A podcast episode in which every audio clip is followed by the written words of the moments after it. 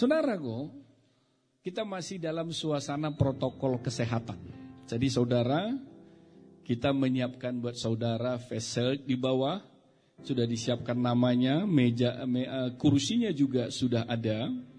Jadi uh, Bapak Ibu silahkan Bapak Ibu untuk pakai face shield.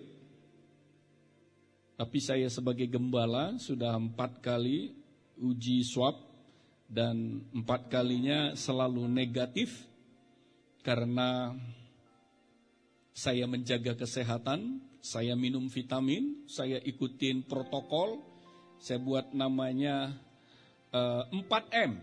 4M itu adalah menjaga jarak, mencuci tangan, memakai masker, dan minum bio HSA. Yang keempat itu, saudara itu jualan saya itu. Jadi 4M, saudara. Jadi selain itu saudara, saya juga berdoa dan saya percaya pada saat di kayu salib di Bukit Golgota darah Yesus yang menyelamatkan saya dan darah Yesus yang memberikan imun buat saya. Amin saudara. Hari ini saya akan menyampaikan satu khotbah berseri yang baru. Yang kemarin hampir tiga bulan saya menyampaikan tentang ekonomi kerajaan Allah. Jadi kalau saudara mau dengar lagi lihat di YouTube bagaimana saudara dalam hari-hari ini saudara bisa diberkati apa pun usaha, apa pun pekerjaan saudara dan saudara bisa sehat anak-anak saudara diberkati dan orang-orang yang kuliah bisa sukses, mahasiswa bisa sukses, orang-orang yang bekerja tidak hanya kerjaannya hanya sebagai staff, bisa jadi supervisor, bisa jadi manajer, direktur, bahkan pemilik perusahaan. Dengarkan khotbah sebelumnya dan Bapak Ibu yang hanya jualan bakso misalnya bisa juga dengerin khotbah tersebut sehingga bakso saudara buka buka cabang di mana-mana. Itu tiga bulan. Dan saya harap saudara dengarkan lagi dan hari ini dan sampai beberapa bulan ke depan saya akan berbicara tentang bagaimana merubah hati dan menjangkau jiwa. Puji Tuhan. Hari ini merubah hati dan menjangkau jiwa, temanya saya sebutkan namanya adalah orang yang lemah lembut. Matius 5 ayat 5. Peter ini saya nggak sampaikan ke Peter, tetapi nanti baru bisa diperlihatkan. Ayat Alkitabnya bilang begini saudara, Matius 5 ayat 5, Berbahagialah orang yang lemah lembut karena mereka akan memiliki bumi. Ada seorang pengarang buku namanya Grant, Robert Grant menulis sebuah buku berjudul 48 Hukum tentang Kekuatan. Bagaimana kuat dalam menjalankan bisnis, bagaimana kuat untuk menjalankan usaha. Ada juga kalau Bapak Ibu ke toko buku 80 cara menaklukkan istri. Ada lagi 50 cara bagaimana caranya untuk mendapatkan uang suami. Itu ada buku-buku seperti itu, saudara. Nah, sungguh kita tinggal di dalam dunia yang memuja kekuasaan dan menolak hal apa pun yang disebut kelemahan, saudaraku. Semuanya ingin kekuasaan. Namun Yesus berkata begini, yang diberkati adalah orang yang lembut hatinya karena mereka akan mewarisi bumi. Ini maaf ya yang bukan dari Sumatera Utara ya, saya mau kesaksi dari Sumatera Utara ya. Ini dari Manado semua hampir samalah dengan Sumatera Utara kan Sulawesi Utara gitu. Dan Jakarta Utara gitu. Ada seorang wanita cantik bilang sama saya. Dulu ini, kamu kenapa mau sama orang Batak? Saya bilang. Orang Batak itu kan galak-galak, saya bilang gitu. Kamu pinter, anak orang kaya lagi, cantik lagi kamu. Bang katanya, orang Batak itu galak tapi hatinya lembut. Jee, mau, mau, mau.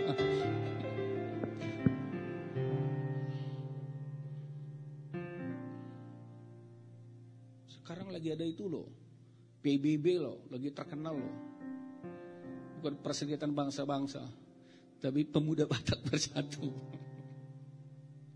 Saudara, diberkati adalah orang yang lembut hatinya karena mereka akan mewarisi bumi.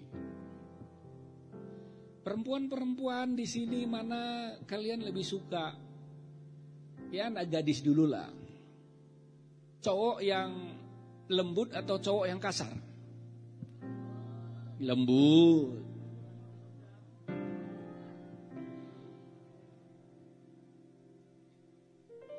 Gini, ini adalah suatu kebahagiaan yang sulit untuk dihidupi sebanyak orang mempunyai gagasan bahwa karena orang bilang gini, kalau kita lembut itu dikira orang satu kelemahan. Ada orang yang bilang seperti itu. Jadi gagasan untuk menjadi seorang yang lembut itu kadang-kadang orang nggak mau. Gitu. Tapi Tuhan udah katakan bahwa orang yang lemah lembut hatinya itu yang akan mewarisi bumi. Saudara pergi misi, saudara pergi penginjilan, saudara mau mengubah satu tempat, mengubah kantor saudara, mengubah usaha saudara, dan ingin supaya orang lain datang ke gereja dan orang lain mengikuti apa yang saudara mau. Tapi kalau saudara galak, orang nggak mau datang. Contoh, saudara pedagang, jualan sesuatu. Barangnya bagus. Tapi kalau saudara cara ngejual barang itu, kalau kamu nggak mau beli, ini sama kau. Saudara. Terus seorang cowok PDKT ke seorang cewek. Kalau saya dulu sama istri saya, saya bilang itu beras tagi itu ku kasih sama kalau kamu sama aku deh. Ku bilang gitu. Gitu. Ada kaos beras tagi maksudnya saudara. Tulisannya gitu. Oh tapi istri saya ini pada saat kami pacaran banyak saya berkati. Saya perlu kesah cari uang. Saya kasih emas dia saudaraku. Walaupun hilang dibuat sama dia gitu. Saya bilang nih udah dikasih emas dihilangin lagi gitu. Tapi terus apa lagi coba? Ini yang cowok-cowok di sini nih kalau mau taklukkan beru boru ginting nih. Dulu belum ada handphone yang foto-fotonya keren sudah saya kasih itu. Gitu. Tapi dia bukan cewek matre. Oh, jangan di oh, ibu gembala cewek matre juga ya gitu. Bukan. Karena saya sayang. Jadi apa hubungannya Pak lemah lembut dengan handphone dan emas Pak? Jadi saudara, orang itu butuh kelemah lembutan. Laki-laki ataupun perempuan itu perlu kelemah lembutan. Jadi merubah suasana. Ada orang ribut nih di rumah nih, ribut biasa gara-gara warisan gitu. Saudara, kalau ada orang tua yang sakit, anak jaga di rumah sakit. Yang satu kalau uh, dia ada orang GKKI mana dua, dia berdoa tuh biar orang tuanya sakit, eh orang tuanya sembuh cepat. Anak yang kedua, pikirnya lain. Anak yang kedua, ini kalau biayanya berapa ya? Kalau ini keluar dari rumah sakit. Anak yang ketiga, pikirannya lain ini warisan ke mana semua gitu saudara? Ada yang seperti itu? Makanya ada cerita dari bapak mertua saya, ada tapi dalam bahasa Sunda, tapi dalam bahasa Indonesia saja. Ada seorang yang sakit, dipanggil semua anak-anaknya orang Sunda. Sini kamu, saya mau sampaikan buat kamu harta warisan yang ada nanti kalau terjadi apa-apa dengan saya. Itu yang di dekat Antapani jangan dijual. Yang di Cikutra ditanya bapaknya anaknya, itu gimana pak? Itu juga jangan dijual. Yang di Kopo jangan dijual juga, katanya bapaknya. Jadi untuk kami apa pak? Kenapa? Soalnya itu semua bukan punya saya, punya orang lain katanya saudaraku. Mana bisa dijual punya orang saudara? Itu dalam bahasa Sunda dia saudara. Nah, nah, saya mau sampaikan buat saudara ada lima ekspresi dari hati yang lemah lembut. Ini saya mau sampaikan kepada saudara bahwa kebetulan jemaat ini kebanyakan dari jemaat dari kita Sumatera Utara, Pak. Dan dari Sulawesi Utara. Jadi galak-galak semua. Jadi saya harus sampaikan ini bagaimana mencangkut jiwa, Pak. Yang lemah lembut. Gitu. Yang lemah lembut. Gitu.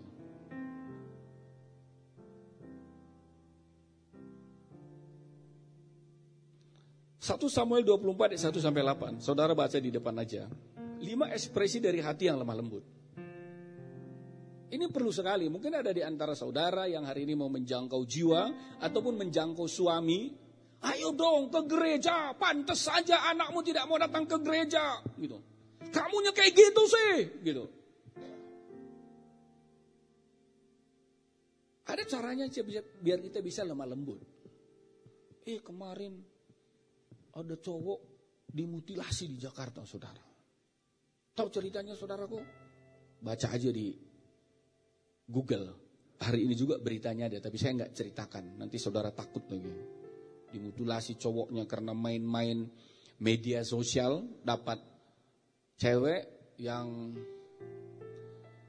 uh, kerja sama sama suaminya, udah suami istri, kerja sama sama suaminya uh, memeras dan dimutilasi, saudaraku. Nanti saya ceritain lagi. Lima ekspresi dari hati yang lemah lembut. Baca, Peter? Nggak bisa tampilkan, Peter? Oke. Okay.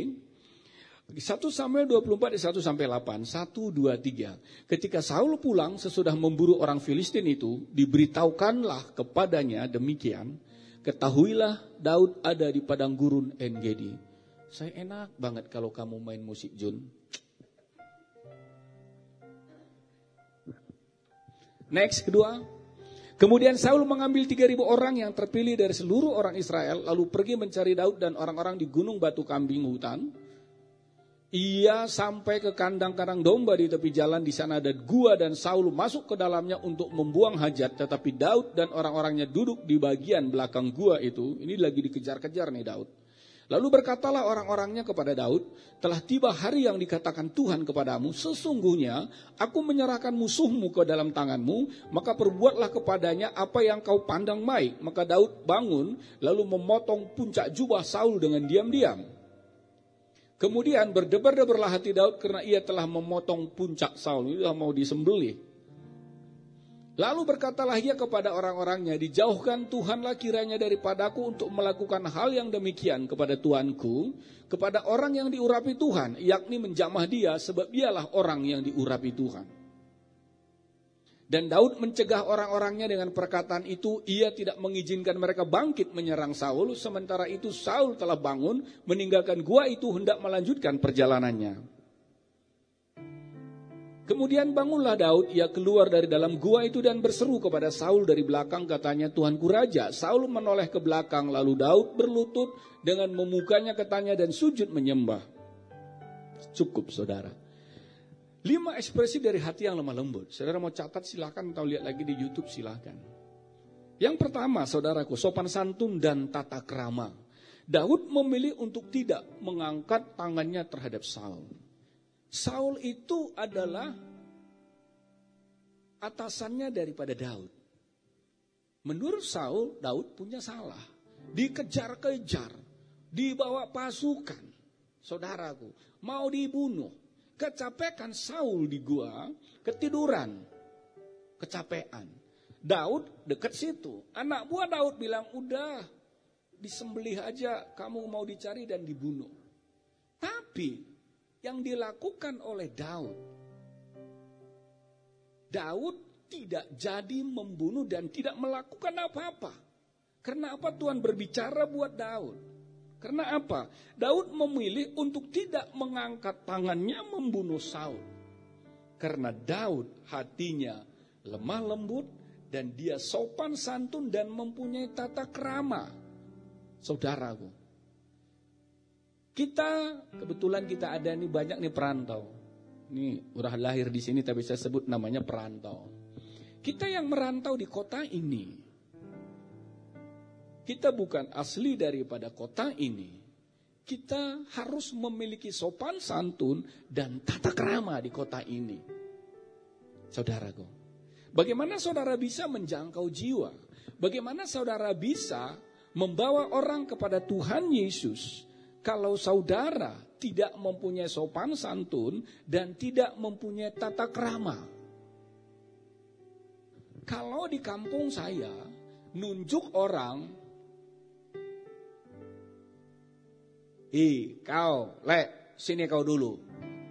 Ketemu sama dia, eh Kukira udah mati kau bodat, katanya itu. Ini baru ketemu saudaraku, udah satu tahun nggak ketemu.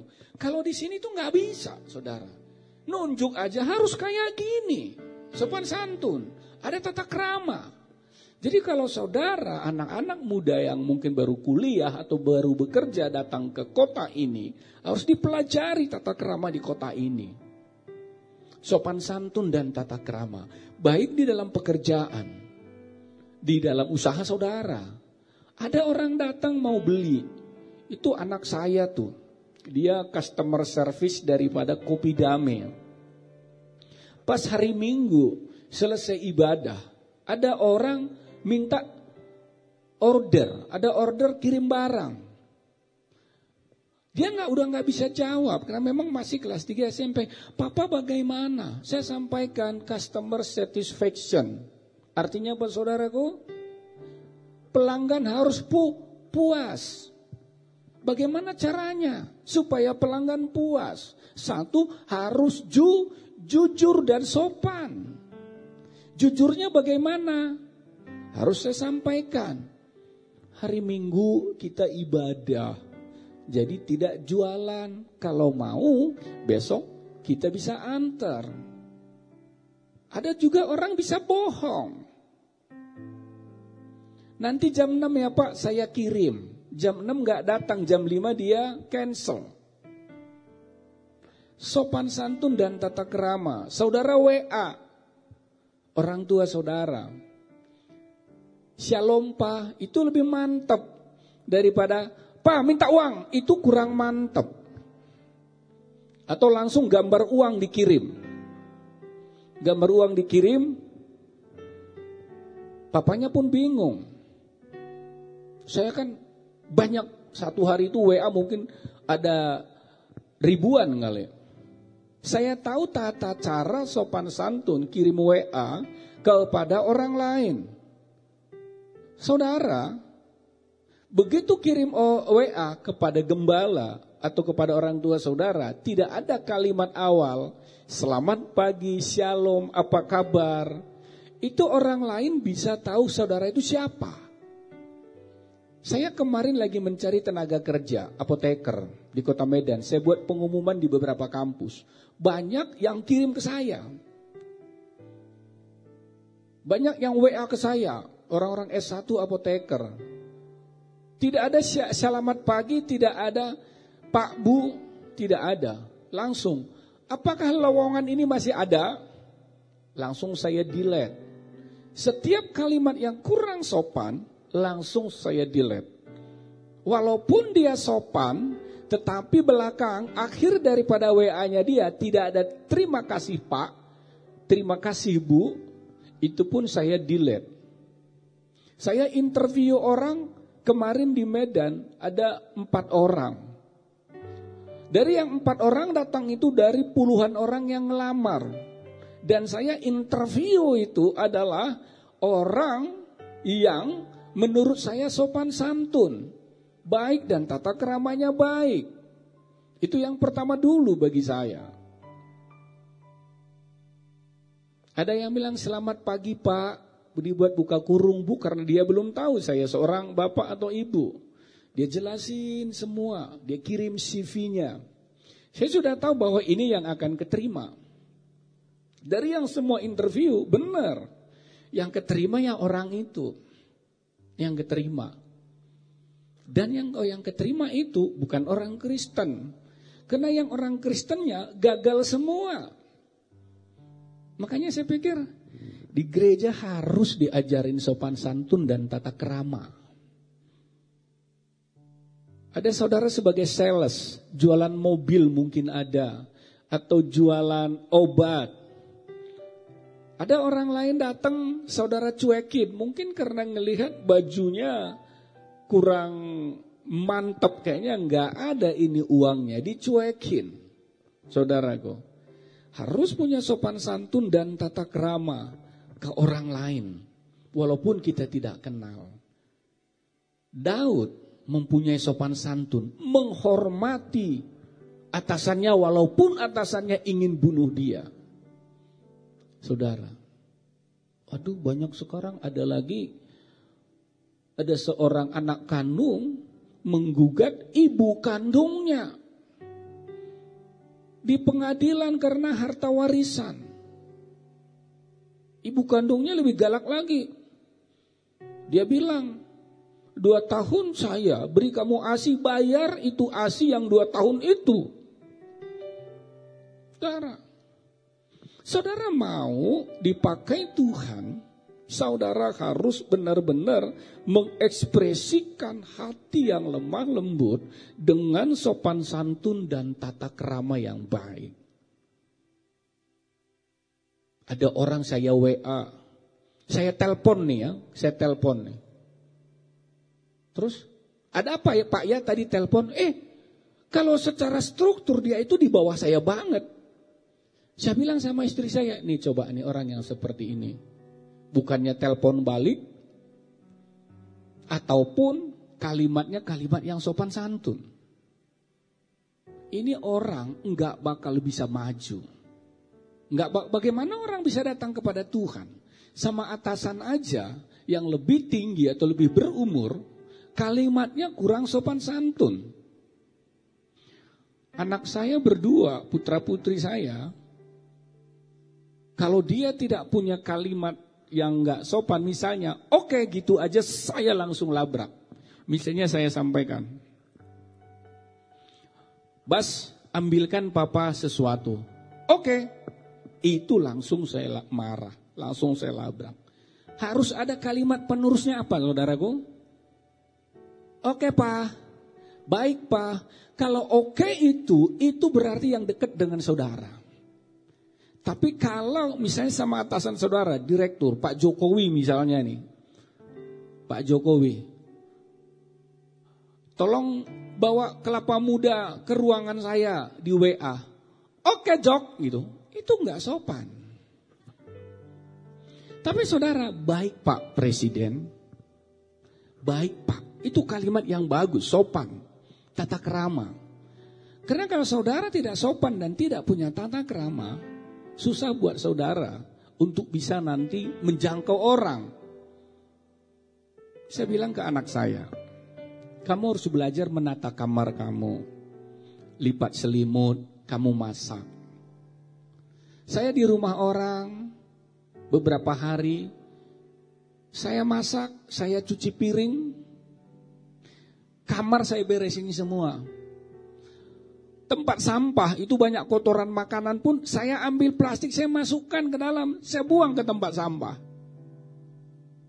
Saya buang ke tempat sampah. Saya di rumah orang kira-kira setahun yang lalu kebetulan saya di Amerika di rumah teman ada empat hari saya di sana saya vakum cleaner apa sofa saya bersihin semua seluas rumahnya seluas apa pun saya bersihin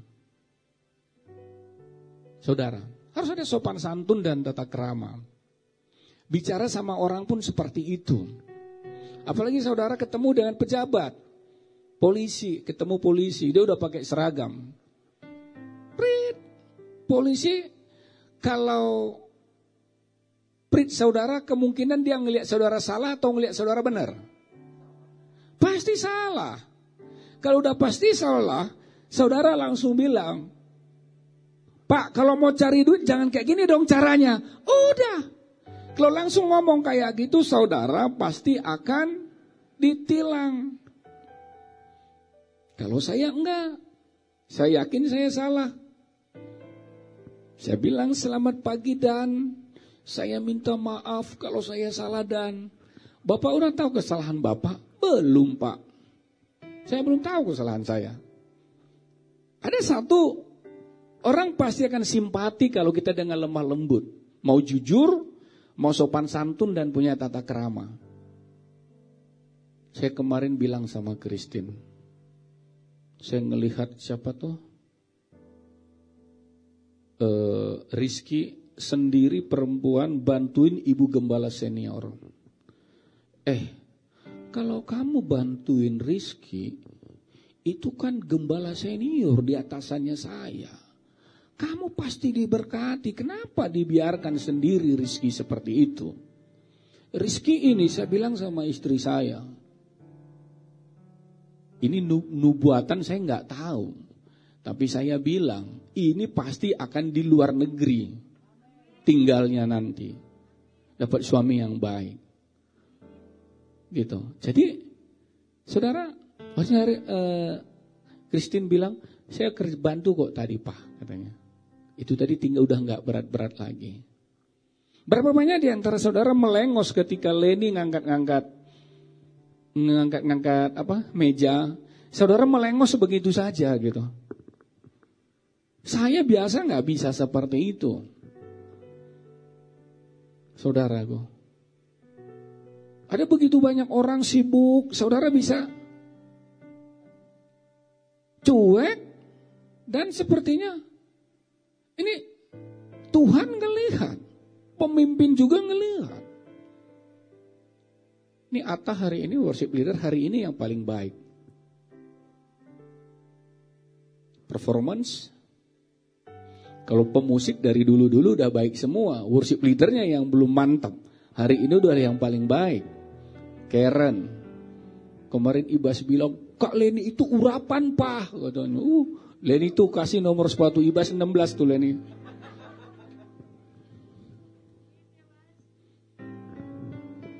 Sopan santun dan tata kerama itu perlu di mana pun.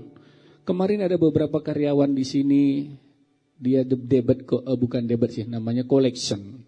Saya sampaikan, nagih itu bagus. Karena perusahaan perlu tim penagihan, karena saya juga punya usaha.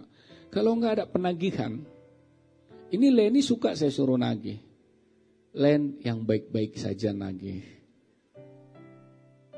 Saya sampaikan ke mereka, jaga sopan santun tata kerama, nagih yang baik. Didoakan dari rumah sebelum nagih, biar pulangnya dapat hasil. Saya punya karyawan yang baik satu, Marga Turnip, mungkin dia dengar juga nih sekarang di Medan. Nagih, Marga Turnip, orang Batak, biasanya kan galak dibilangnya.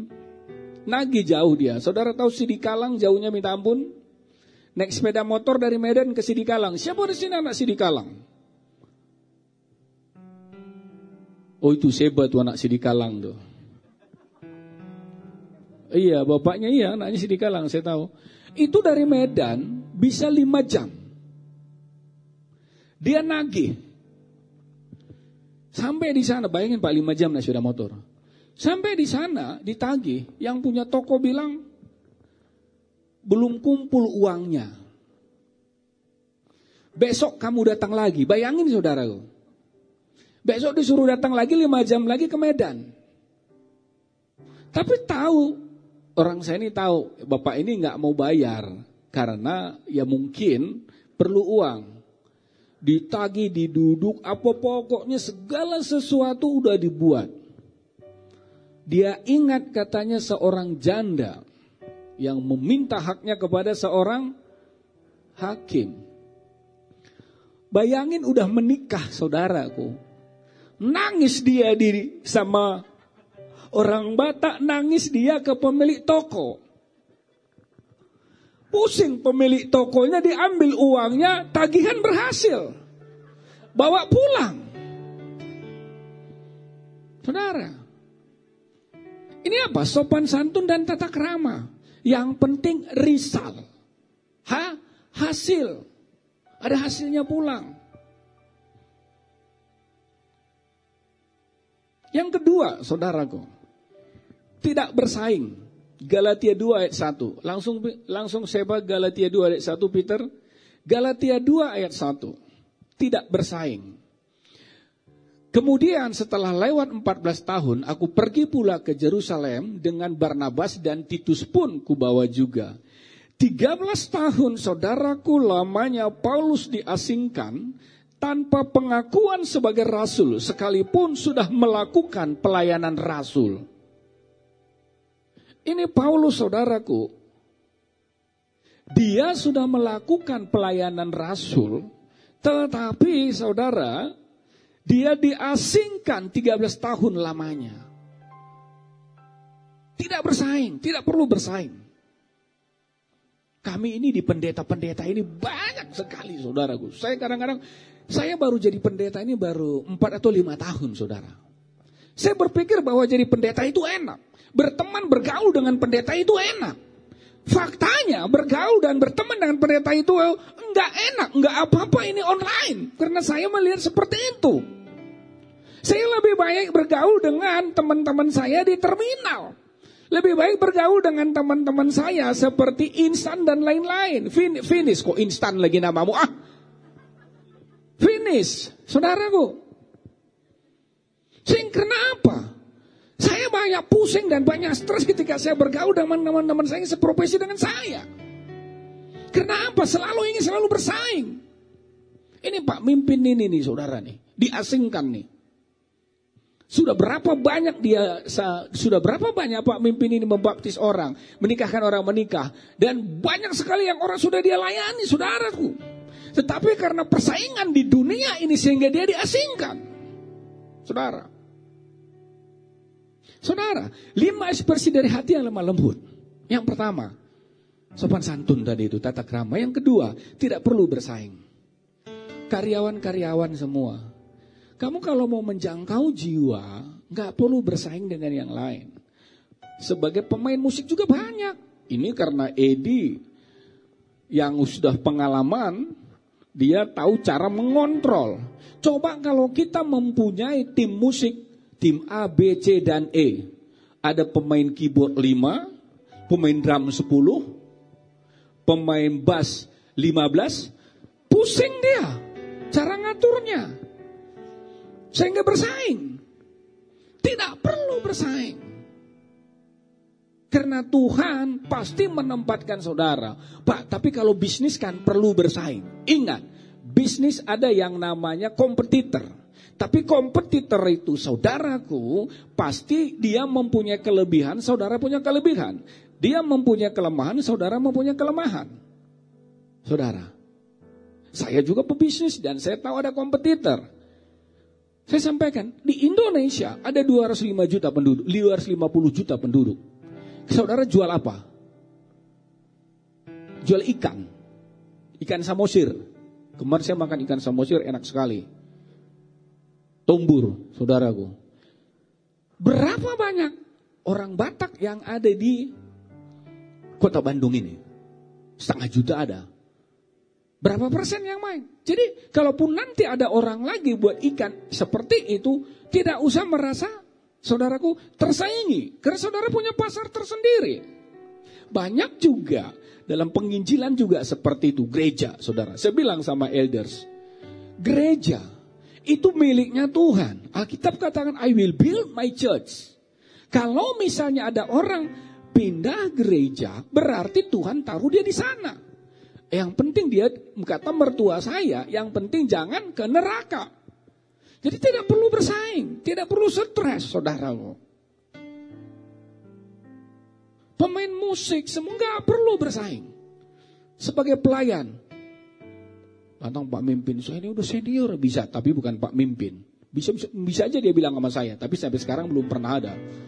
Pak Gembala kan masih muda, saya sudah senior. Kenapa saya nggak pernah khotbah jam 11 Pak Gembala? Bisa juga kayak gitu. Salah Devita, Devita ini dengar kenapa Devita nggak jadwal kan? Ini suaminya di. Itu mau bercanda saudara. Tidak perlu bersaing. Saudara kok. anak saya ibas saya sampaikan. Anak-anak kecil seperti itu di sekolah. Banyak yang bersaing. Kamu tidak perlu bersaing. Bersaing kamu ketika kamu bisa jago bahasa Inggris, jago kamu main musik. Orang lain akan melihat kamu ada kelebihan kamu. Gilby itu jago main musik, tapi sama saya nggak pernah ketemu lagi sampai sekarang. Dia ibadah nggak ya Gilby ya? Ada ya? Ah, ya Gilby mantap Gilby wajahmu itu. Ini bisa kita Gilby bisa. Ini Edi mau sebentar lagi udah anak muda. Paulus itu tak nggak diakui saudara. Saudara pun kalau nggak diakui dalam satu tempat, nggak usah takut saudaraku. Paulus nggak diakui sebagai rasul. Oh, kok saya ada contohnya. Pak Mimpi ini dekat sama saya. Ada contohnya. Manusia tidak mengakui tapi Tuhan Yesus mengakui. Terus yang ketiga, lima ekspresi dari hati yang lemah lembut.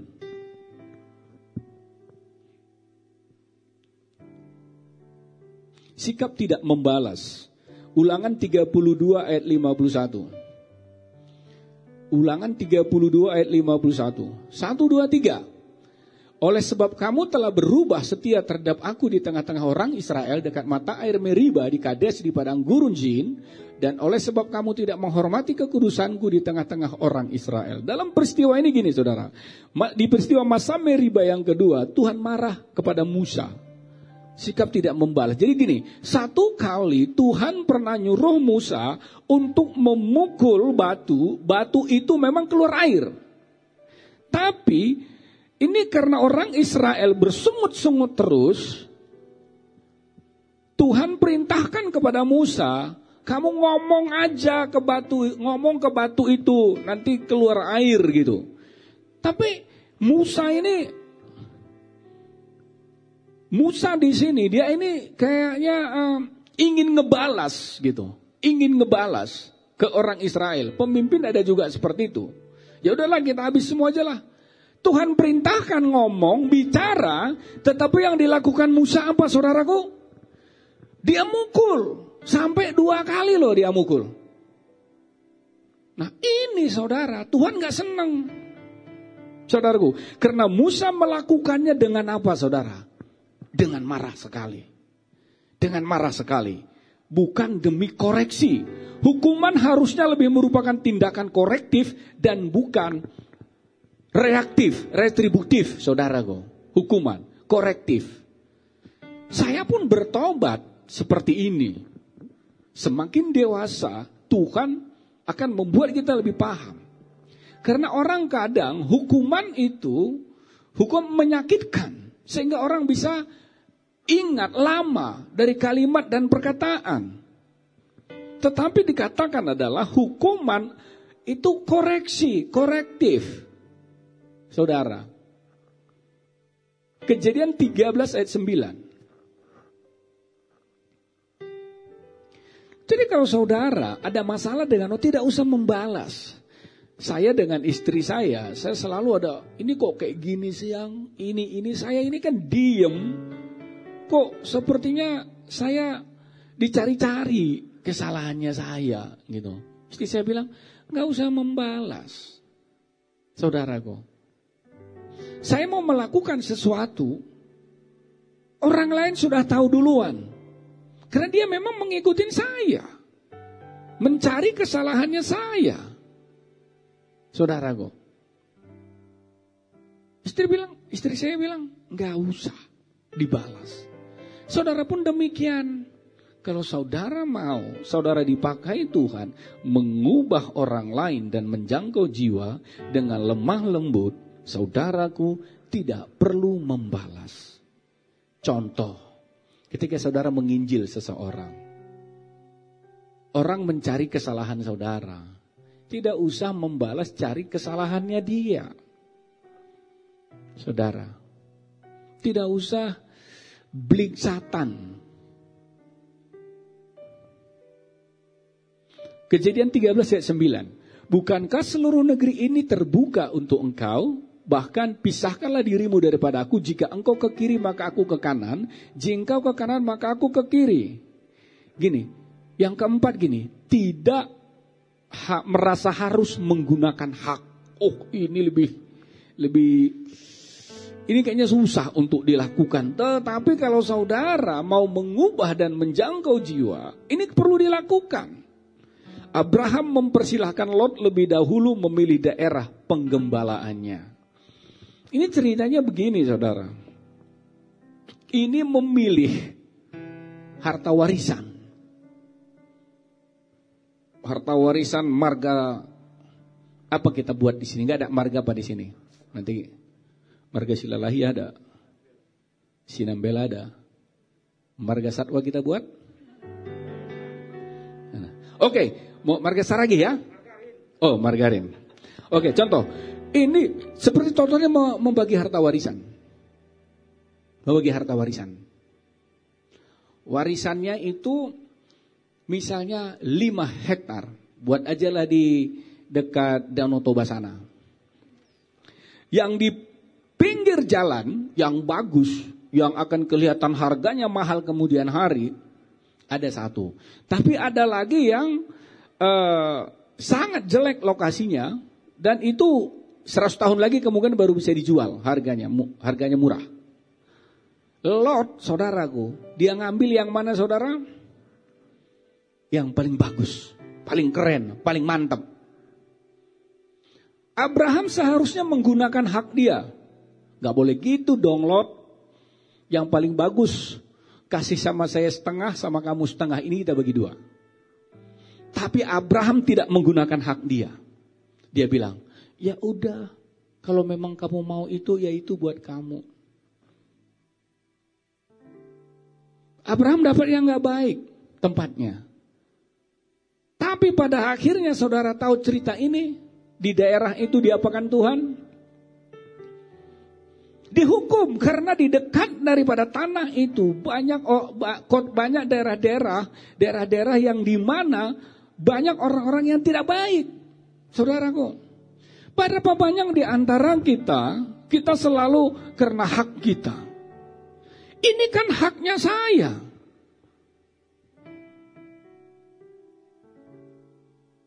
Kalau Ibas bilang pernah didisiplin sama istri saya, dilaporkan ke mana katanya? Ke komisi anak katanya. Saya laporkan nanti mama ke komisi anak katanya. Dia mau menggunakan hak dia. Kita orang tua kan wajar, oh, wajar saudaraku untuk mendisiplinkan anak gitu. Tapi dia mau laporkan istri saya ke komisi anak. Gitu. Saudara, kita tidak perlu menggunakan hak kita kalau terjadi ribut. Amin saudaraku. Kalau istri saya diambil orang baru saya gunakan hak saya. Tapi saudaraku, hal-hal yang tidak terlalu krusial. Misalnya mobil. Oh iya ya, baru kejadian. Dua minggu yang lalu yang saya sampaikan. Mobilnya uh, saya di Medan ditabrak. Ditabrak dari belakang. Mobil saya di Medan itu Innova saudara. Innova bapak. Kalau ditabrak dari belakang pasti mahal kena. Terus uh, orang saya di sana, saya sudah sampaikan bahwa udah kamu pergi aja, biarkan aja, gitu. Nggak, maksudnya gini, kalau kita ditabrak orang, kalau nggak terlalu itu itu kan sebenarnya di asuransi juga gitu. Jangan mengambil kesempatan lagi, saudara. Asuransi itu paling ada disebut OR, OR itu on risk risiko sendiri. Paling 200 ribu, masukkan ke asuransi sudah selesai. Gitu. Tapi ada orang ngambil kesempatan, ada supir, ada ada juga supir kadang kan nakal, saudara. Dia minta ke orang itu misalnya satu juta. Terus nanti bilang sama saya, Pak dia cuma bayar 200 ribu katanya. Lap, saya masukkan ke asuransi ya Pak, 800 ribu kan udah milik dia. Saudara. Nah, jadi tidak merasa harus menggunakan hak. Hati-hati. Pak Mimpin, Pak Mimpin, saya ingin Pak Mimpin ini dilantik, saya bilang. Enggak perlu lah Pak Gembala, ah enggak usah lah. Itu itu enggak perlu, yang penting kita melayani Tuhan lah. Kita tidak harus menggunakan hak. Saudara di jalan di lapangan juga seperti itu. Kalau saudara sedikitnya sepeda motor saudara, ya nggak usah ribut-ribut lah. Kalau dia, Pak, saya ganti sekian, Pak, udahlah sinilah. Kalau kebetulan dia jadi teman suatu saat bisa berikan kepada saudara bisnis kan bagus. Amin saudara. itu uh, banyak sekali hal yang seperti itu. Yang kelima saudaraku, 2 Korintus 4 ayat 7 sampai sampai 10. Yang kelima, ini adalah pengajaran buat saudara supaya saudara bisa merubah tempat di mana saudara, lingkungan saudara, rumah dan saudara bisa menjangkau jiwa. Ayat 1 Korintus 4 ayat 7 sampai 10, tetapi harta ini kami punya dalam bejana tanah lihat supaya nyata bahwa kekuatan yang melimpah-limpah itu berasal dari Allah bukan dari diri kami. 8 Dalam segala hal kami ditindas namun tidak terjepit, kami habis akal namun tidak putus asa. 9 kami dianiaya namun tidak ditinggalkan sendirian. Kami dihempaskan namun tidak binasa. Terakhir sepuluh, kami senantiasa membawa kematian Yesus di dalam tubuh kami supaya kehidupan Yesus juga menjadi nyata di dalam tubuh kami. Rasul Paulus, ini yang kelima saudaraku, ini hancur hati. Brokens. Brokens, ini hancur hati. Ini sebenarnya lagu yang tadi itu seperti kan udah hancur hati saudara. Ke ke manakah? Ke mana? Hmm. Bukan, bukan itu. Engkau Tuhan Allah Maha Tahu Betapa dahsyatnya kuasamu Hadiratmu kini penuhiku Bawaku mendekat padamu. Ke manakah aku harus pergi. Menjauhi rohmu Tuhan. Ku berlari mendaki ke langit. Namun engkau ada di sana. Hey, ku terbang dengan sayap fajar bumi. Namun tanganmu menuntunku selalu Bawaku mendekat padamu. Saudara, brokenness, hancur hati Rasul Paulus di 2 Korintus ini mengalami dan mengakui banyak kelemahan di dalam tubuhnya. Saudara dan saya juga demikian. Kita banyak sekali kelemahan kita yang tidak kita akui. Yang kita merasa kuat dan sanggup. Saya tambahin waktunya sedikit lagi Leni. Istri saya banyak berdoa buat saya karena saya banyak kelemahan. Dan saya akui. Saudaraku. Berapa banyak di antara saudara pada saat saudara punya kelemahan, saudara tidak mengakui. Karena apa? Kita memang merasa apa pun yang kita lakukan itu benar, saudara.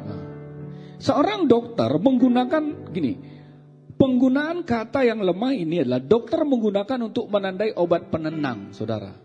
Ketika seorang pasien sedang bergumul dan berjuang melawan demam, seorang dokter akan memberi dia suatu obat penenang untuk menenangkan dia. Ini pendungan kalimat tadi. Sementara membawa dia kepada penyembuhan. Obat mempunyai kemampuan untuk menyembuhkan. Suatu dosis obat yang sesuai dapat menyembuhkan. Tetapi sebenarnya dalam dosis yang terlalu banyak, obat dapat membunuh. Saudara paham maksud saya ini? Juga kalau contoh juga seorang peternak saudaraku. Peternak menggunakan kata yang tadi kata tentang lemah lembut hati ini adalah untuk menguraikan tentang penyesuaian. Saya pelajari di sini peternak kuda muda misalnya. Tiap-tiap kuda harus mengalami satu masa di mana kehendaknya harus ditaklukkan secara paksa sebelum ia dapat bermanfaat. Sebelum seekor kuda dijinakkan, ia tidak akan mengizinkan seseorang untuk menungganginya. Kuda mempunyai kemampuan untuk bekerja. Seekor kuda yang dijinakkan dapat bekerja, tetapi seekor kuda yang dibiarkan menurut kehendaknya dapat berbahaya saudara yang kelemah lembutan ini tadi. Kita pun demikian. Karakternya kita, lemah lembut itu diperlukan. Saudaraku. Yang tadi saya sampaikan ini saudara, semuanya mempunyai energi tetapi hanya ketika energi itu terkendali itulah yang disebut kelembutan. Pak Saragi besar banyak hari-hari ini menjangkau jiwa. Saya tahu Bapak ini, kalau lagi ada permasalahan, dia bisa datang ke saya. Begini loh Pak. Uh, ini Bapak ini wajahnya aja kelihatan kayak uh, Donald Trump begitu ganteng ya. Tapi hatinya lemah lembut, saudaraku. Begini loh Pak, ini masalahnya. Padahal saya dengar dari beberapa orang yang ini, ini, ini, ini, ini. Terus saya tanya, begini loh Pak diselesaikan dengan baik, saudaraku. Seekor kuda yang de, yang dijinakan dapat bekerja, tetapi seekor kuda yang dibiarkan menurut kehendaknya dapat berbahaya. Saudara paham maksud saya? Ketika energi terkendali, itulah yang disebut kelembutan. Jadi kelembutan adalah energi yang berada di bawah kendali saudara. Itu kelembutan saudaraku. Wanita kelepek-kelepek. Adam kelep, uh, Hawa kelepek-kelepek. Karena ada kelembutan diucapkan dan didengar. Ada lagi uh, kelembutan adalah sesuatu yang hanya dapat dilihat ketika sedang ketika kita sedang berada di pihak yang benar dan bukan ketika kita sedang bersalah. Paham maksudnya saudara? Kalau saudara benar, di situ muncul kelembutan. Tapi kalau saudara salah, itu bisa muncul kasar. Itu yang tadi saya sebutkan saudaraku. Awal khotbah saya.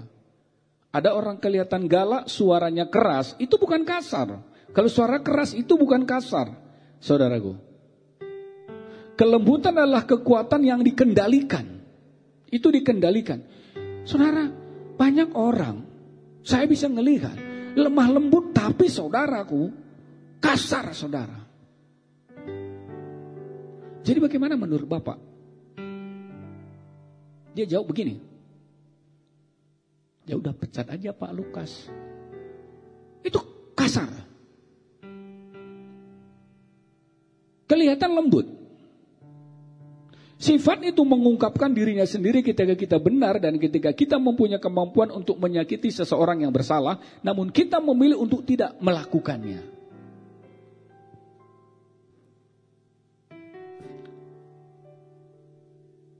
Pernah mengalami dan saya melakukan. Bagaimana supaya orang itu bisa merasa bersalah di dalam rapat? Saya bisa serang. Tapi saudara, saya belajar dari Alkitab. Sifat itu mengungkapkan dirinya sendiri ketika kita benar dan ketika kita mempunyai kemampuan untuk menyakiti seseorang yang bersalah, namun kita memilih untuk tidak melakukannya. Saudara punya kemampuan untuk melaporkan orang lain supaya orang lain dihukum, tetapi saudara tidak melakukan itu. Itulah saudara lemah lembut. Saudara tidak melakukannya. Aduh, waktunya sudah habis. Tapi masih ada gejala-gejala gejala-gejala kelemah lembutan itu cara meluapkan kemarahan, penerimaan akan firman bagaimana, reaksi terhadap perselisihan paham. Satu aja saya bahas. Cara lain untuk menguji kelembutan hati adalah dengan melihat reaksi kita kepada orang yang tidak setuju dengan kita. Orang yang tidak lemah lembut akan merasa dirinya sangat benar. Ada orang tidak setuju dengan saudara. Ada orang tidak setuju dengan pendapat saudara.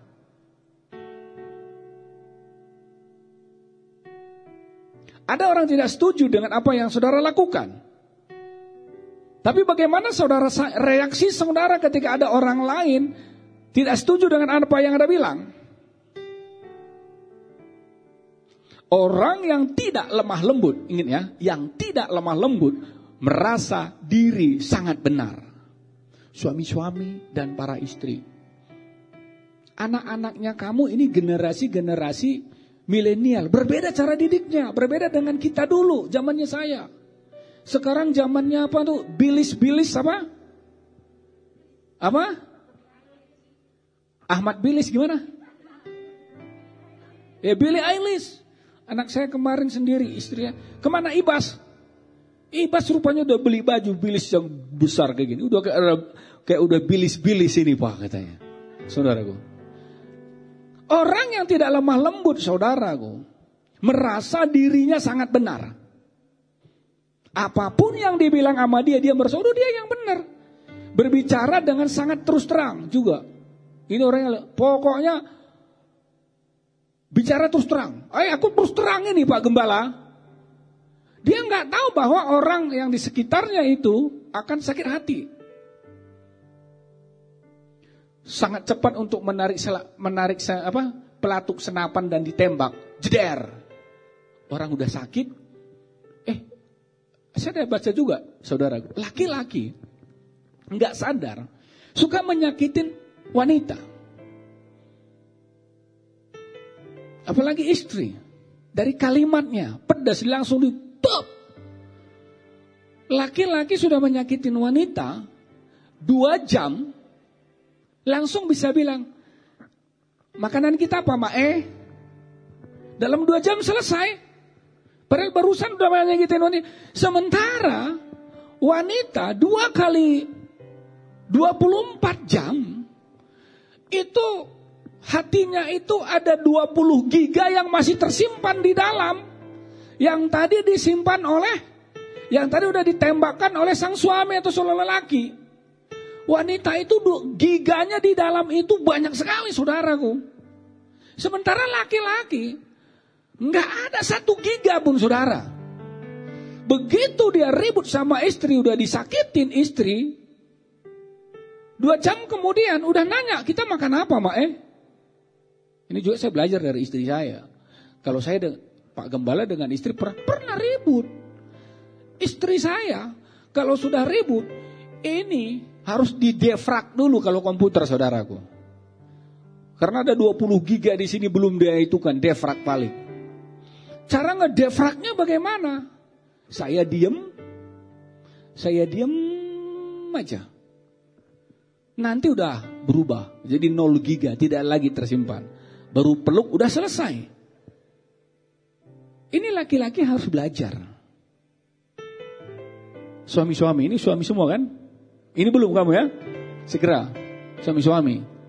Jadi ngomong ke istri itu hati-hati. Ya saudara ya, karena sekali lagi komputer saya paling cari 10 tinggal ini 20 giga lagi. Wanita lebih daripada komputer saya isinya bisa dia simpan banyak saudaraku. Kita dapat mendominasi. Namun dengan sekuat tenaga mengendalikan kata-kata kita. Salah satu tanda kedewasaan adalah ketika kita menyadari bahwa Tuhan dapat memberkati orang-orang yang tidak sependapat dengan kita, bahkan orang yang belum percaya. Jadi kalau saudara menginjil dan ada orang bilang lebih tahu daripada saudara, ini Pak Saragi kecil juga kalau menginjil ke mana-kemana. Ada orang lain merasa lebih tahu daripada, biarkan aja. Reaksi terhadap perselisihan paham. Saudaraku, ada orang yang seperti itu. Ciri-ciri kelemah lembutan, ini yang terakhir. Sifat lemah lembut itu seperti air, saudara. Ia mengalir secara alami ke tempat yang paling rendah. Ia menyegarkan semua ciptaan. Ia mengelilingi setiap rintangan. Tetapi dalam pergesekan dengan batu, air selalu keluar sebagai pemenang. Setiap gesekan, air itu selalu menang. Jadi ciri-ciri kelembutan itu seperti air, mengalir secara alami, menyegarkan semua ciptaan, ia mengelilingi setiap rintangan. Kalau ada masalah, air selalu menjadi pemenang dengan batu. mengubah dunia dengan kelemah lembutan. Tuhan Yesus. Dia mengubah dunia dengan kelemah lembutan. Orang menampar pipi kiri berikan apa? Pipi kanan. Ada orang tanya, kan Tuhan Yesus nggak ada bilang kalau udah udah mimpir pipi kanan, nggak ada lagi itunya pak, nggak ada lagi dikasih pipi pak, apalagi dikasih, nggak ada lagi ya, ditampar, jangan dibalas. Kalau gitu nggak ada lagi dikasih pipi yang lain, boleh sebalas pak, nggak boleh. Dengan tetap lemah lembut. Gereja mula-mula juga begini saudaraku. Dikucilkan tapi dengan lemah lembut bahkan gereja sekarang. Saya juga belajar firman Tuhan ini. Sekali lagi saudara, dengan lemah lembut ke istri saudara, ke anak saudara, dan pelayanan saudara. Mari kita bangkit berdiri.